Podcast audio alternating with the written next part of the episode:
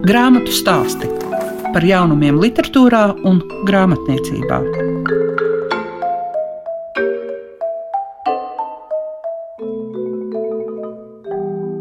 Kā ik parasti šajā laikā klasikā skan grāmatu stāsti, un tā veidotāja Lieka Piešiņa šodien aicina izzināt kādu dzimtas kroniku. Tā ir Leonarda Šulmaņa, Šulmaņa dzimtas kronika, kas mums parādīs to, ka svarīgi ir pētīt ne tikai dzimtu, bet arī mājas vietas stāstu, un ka tas iegūs daudz lielāku vērtību visu mūsu izpratnē un vēl par Artūra Jurkevičā un Malhaza Džadžanīdzes abedīto vīnoglāju. Grāmatu stāsti tiem, kam grāmatu lasīšana ir vērtība. Šoreiz grāmatu stāsti viesojas Uziņu bibliotekā, un iemesls tam, vai viens no iemesliem, ir tas, ka ir iznākusi Leonarda Šulmaņa grāmata, Šulmaņa dzimtas kronika. Un man liekas, ka tie, kas regulāri iet uz bibliotekām, zina, ka viena no funkcijām, kas viņiem ir jāveic, tā ir novada pētniecība. Un Uziņu biblioteka var lepoties gan ar savu labo vietas nosaukumu, bet galvenais ir arī tas, ka šeit pat līdzās ir bijuši Aspazijas radi, un bibliotekā atrodoties, man ir tāda iespēja arī papētīt šos radurakstus. Un uh, Gunita Kulmane ir tā, kas šo pasauli pēta, kura arī rada to sajūtu, cik nozīmīga ir arī pavisam, pavisam maza vieta. Jo biblioteka jums arī ir ļoti maziņa, un viņi strādā laikam tikai, ja es pareizi saprotu, divas reizes nedēļā. Ja? Jā, bet pakalpojumi lasītājiem ir pieejami jebkurā laikā. Esmu ļoti elastīga un par saviem lietotājiem ļoti rūpējos. Bet, Gunit, kā tas vispār viss sākās? Šī grāmata, kas ir iznākusi apgādā Jumava, tātad Šulmaņa dzimtas kronika. Tā bija jūsu iecerē? Nē, viss sākās 2014. gadā, kad pie manis Uziņu bibliotekā ieradās kaimiņu pagasta saimnieks Jānis Vecmanis. Viņš man toreiz uzdāvināja brīnišķīgu bildi Uziņu uguns apdrošināšanas biedrības valde 1935. gadā. Un zinādams manu aizraušanos ar apkārtnes vēstures izpēti, viņš ieminējās, ka viņam mājās ir tāds darbs par apkārtni, vai mani tas neinteresētu. Nu, skaidrs, ka mani tas interesē iespēja. Nu, nākamajā reizē Jānis Vecmanis šo darbu man atveda. Tas viņam bija pirms 15 gadiem, toreiz atsūtīts no Kanādas. Bija publicēts Sirakūzu vēstīs. Nu, tad, kad es darbu izlasīju, protams, es uzreiz ieinteresējos. Tas bija ļoti interesants, labā saistošā valodā un ļoti daudz kas par apkārtni tajā bija. Nevarēju saprast, kā es par šo dzimtu neko līdz šim nezinu. Sāku meklēt kontaktus, jā, atradu Leonardu Šulmaņa meitu, kura joprojām joprojām dzīvo Kanādā, un tā viss lēnām iesākās. No sākuma 2014. gadā es šo darbu, kurš bija mašīna rakstā, savā atvaļinājumā pārakstīju. Un lielākā daļa no šī darba ir pieejama manā blogā. Google sameklētu pēc atslēgvārdiem Zemgales sendienu stāsts vai Šulmaņu dzimtas kronika. Par grāmatu es pat nebiju domājis līdz 19. gada vasarā Jumava ieinteresējās par šo darbu, un tā palēnām viss sākās sākās līdz 20. gada oktobrī, grāmata nāca klajā. Kas bija tas, kas bija jāpieliek klāt? Jo man liekas, ka šai šūmaņa dzimtas kronikai, kura stāsta arī par šo lauksaimniecību, kas ir pat jau 18.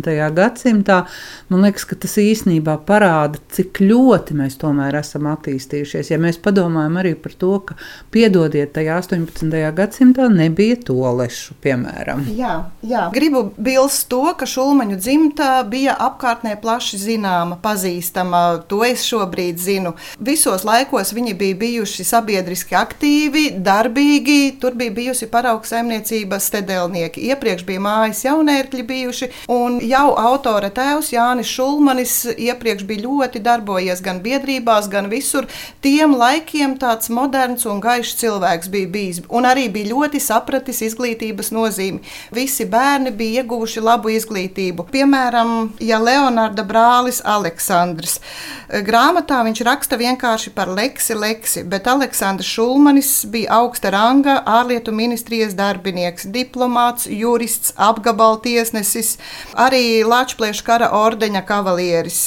Un 40. gada rudenī viņš tika apcietināts un miris centrāla cietumā. Pēc tam 41. gada jūlijā atrasts masu kapā. Bet, ja par Aleksandru jeb Leksi, kā pats Leonārds raksta, Leksim bija pulka draugu un paziņu, no kuriem viens otrs sāka braukāt pa svētkiem un vasaras brīvlaiku viņam līdzi ciemā pie mums uz laukiem. Starp atbraucējiem bija Zigfrīds Mejerovics, Paulis Mitulis, Haralds Elgas, Miķelsons. Miķelsons bija redaktors, manuprāt, ja pareizi atceros vai arī par skolām, kad rakstīja Rīgā, bija ķēniņa reāla skolā, kad bija mācījušies, un ķēniņš par skolotājiem bija aicinājis rakstniekus un māksliniekus. Piemēram, tur dzinieks Bārda un rakstnieks Saulietis, zīmēšanas skolotājs bija modernieks un dzenis bijis, un uh, modernieks bija bijis skolotājs Ludolfam Libertam, kuram toreiz vārds esot bijis Aleksandrs. Un es domāju, nu droši vien kāda kļūda, no nu, kur Aleksandrs nekad nebija dzirdējusi, bet nu nē, meklēju, jā, Ludolfs. Rudolfam Libertam bijis otrs vārds Aleksandrs.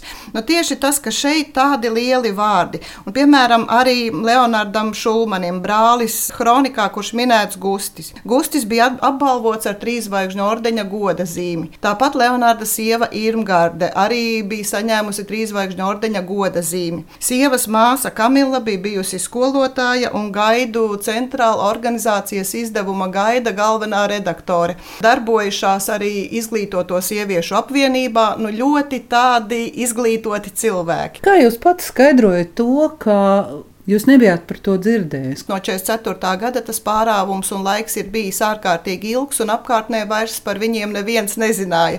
Un man arī tas šķita ļoti svarīgi atgādināt, ka mājas vairs nav saglabājušās no parauga saimniecības stedelniekiem, kur skaisti lepojās pats ēku komplekss, nav palicis vairs nekas uz lauka, četri vai pieci ozoli.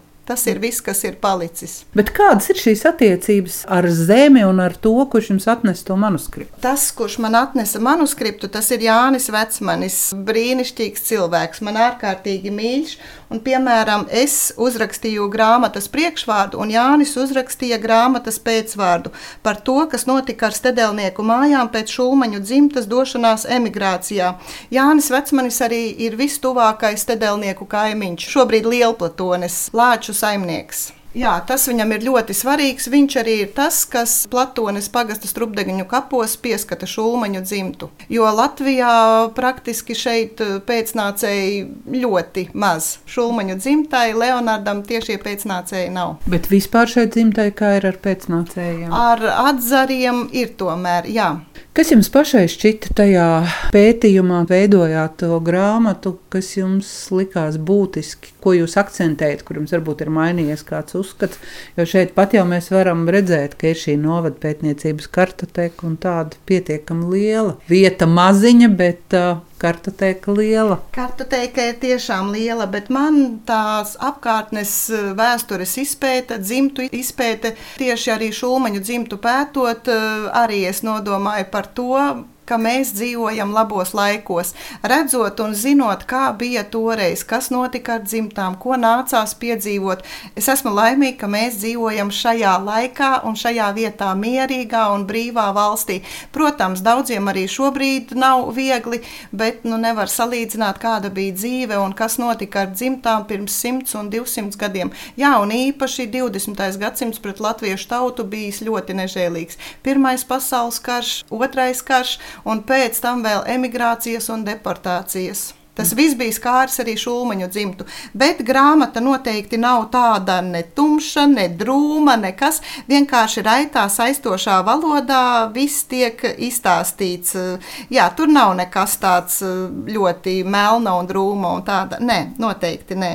Vai ir tā, ka mēs varam runāt arī par to, ko piemēram Šulmaņa dzimta ir lasījusi, kas viņus ir interesējis? Jo teiksim, tā inteliģences pakāpe jau ir diezgan liela. Jo ja jau grāmatu stāstos tas skan, vai tad sajūtam arī tās grāmatas, kas ir agrākos laikos bijušas un lasītas? Ko viņi ir lasījuši, to es nezināšu. Bet, jā, kā jau es teicu, viņi izglītībai bija pievērsuši lielu vērību un lasīts tika jau diezgan pirms 1900. gada tika abonēti laikraksti un kas lasīts tika ļoti latviešu un vācu valodā. To es zinu gan. Jā, brālis Aleksandrs Šulmans, kā jau es minēju, piemēram, draugos ar Zigfrīdu Meijerovicu un daudziem citiem, bija ļoti tuvos draugos ar tēlnieku Rihardu Mauru.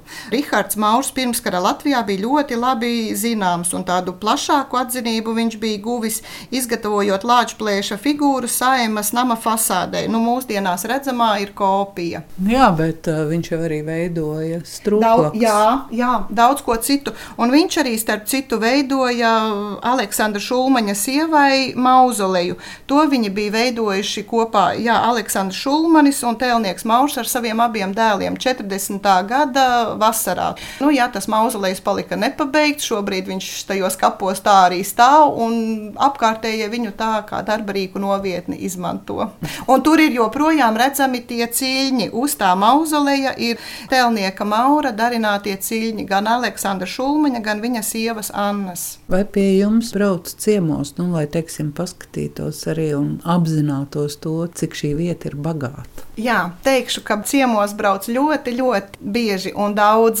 Pēdējais gads tas ir bijis tukšāks un klusāks ārkārtas stāvokļa dēļ, bet katru gadu ir arī no ārzemēm, no dažādām valstīm ierodas ciemiņi. Un, protams, ka no dažādām Latvijas vietām. Ar cilvēkiem esmu ļoti svētīta. Tā ir labākā Latvijas daļa, kas pie manis brauc. Tie ir tie, kas pēta dzimtas, kas pēta dzimtu vēsturi, tie ir Latvijas patrioti, inteliģence. Man ārkārtīgi patīk mans darbs. Es ļoti mīlu šo vietu, mīlu darbu, ko daru, un man ir ārkārtīgi svarīgi apkārtējie cilvēki. -hmm. Ļoti. Man ir ļoti paveicies uz darbu, es nāku ar milzīgu prieku. -hmm. Kā ir ar aspazīju? Vai tad, ja atbrauc un saka, ka grib iepazīt aspazīju, vai to ir iespējams? Jā, ir iespējams, un ne tikai aspazīju. Par aspazīju man ir uh, plašs materiālu krājums, divas biezas mapes. Pazīstu arī daudzus no aspazijas radiem no dažādiem atzariem, bet ne tikai aspazija. Piemēram, ar ūziņiem cieši saistīts bija rakstnieks Pāvils Rozīts. Viņa pirmā sieva Antonija bija no Liepājas, bet otrā sieva bija ūziņniece, un pēdējais viņa darbs, Zemes prieks, ir tapis tieši ūziņu meķos. Viņš gan nomira to grāmatu rakstot, bet viņa draugs Ādolfs Ers pabeidza. Nu, tur gan ļoti atšķirās. Jā, tā grāmatas otrā daļa ļoti atšķirās. Ir jau tā, ka nereti grāmatās atrodam kādus tādus citātus, kas raksturo grāmatu vislabāk. Vai jums ir arī kāds tāds, ko jūs tagad varētu man nolasīt? Varbūt šis nebūs citāts, kas raksturo grāmatu vislabāk, bet tas bija, kas mani tā ļoti aizķēra. Aizmirsu piebilst, ka grāmata sastāv no divām daļām. Pirmā daļa, lielākā daļa, ir, ko ir sarakstījis Leonards Šulmanis. Tas ir viņa atmiņu stāsts, balstoties uz viņa un tēva atmiņām. Bet uh, otrā daļa ir uh, skolotājs Kamils Šulmanis dienas grāmata. Un viņa ir uh, atstājusi dienas grāmatu, dažas lapas puses no Latvijas zemnieku sāpju ceļa zemgalē 1944. 2004. gada vasaras beigās. Nu, šeit es nolasīšu nelielu fragment, kā Šulmaņa ģimene devās bēgļu gaitās. Tas bija 44. gada 28. jūlijas. Visi salasās sēdzvidū mūs izvadīt. Zemgales lauku klusums pārņem krietno pulku. Mēs jūtam lauku jūliet veicis elpu, briestošie labības lauki smaržo. Asaras birst palicējiem klusi pār sejām, braucēji paceļ sveicienam rokas un rati lēni virzās laukā pa mājas dambi. Svainis griež ratus uz kalna muižas pusi. Meža ceļš. Garām pabrauc divi pajūgi ar karēviem, kuri noklīduši kaujā pie meitenes. No kreisās puses uz ceļa uzgriežas pajūgu rinda ar bēgļiem. Krievi esot vilcē.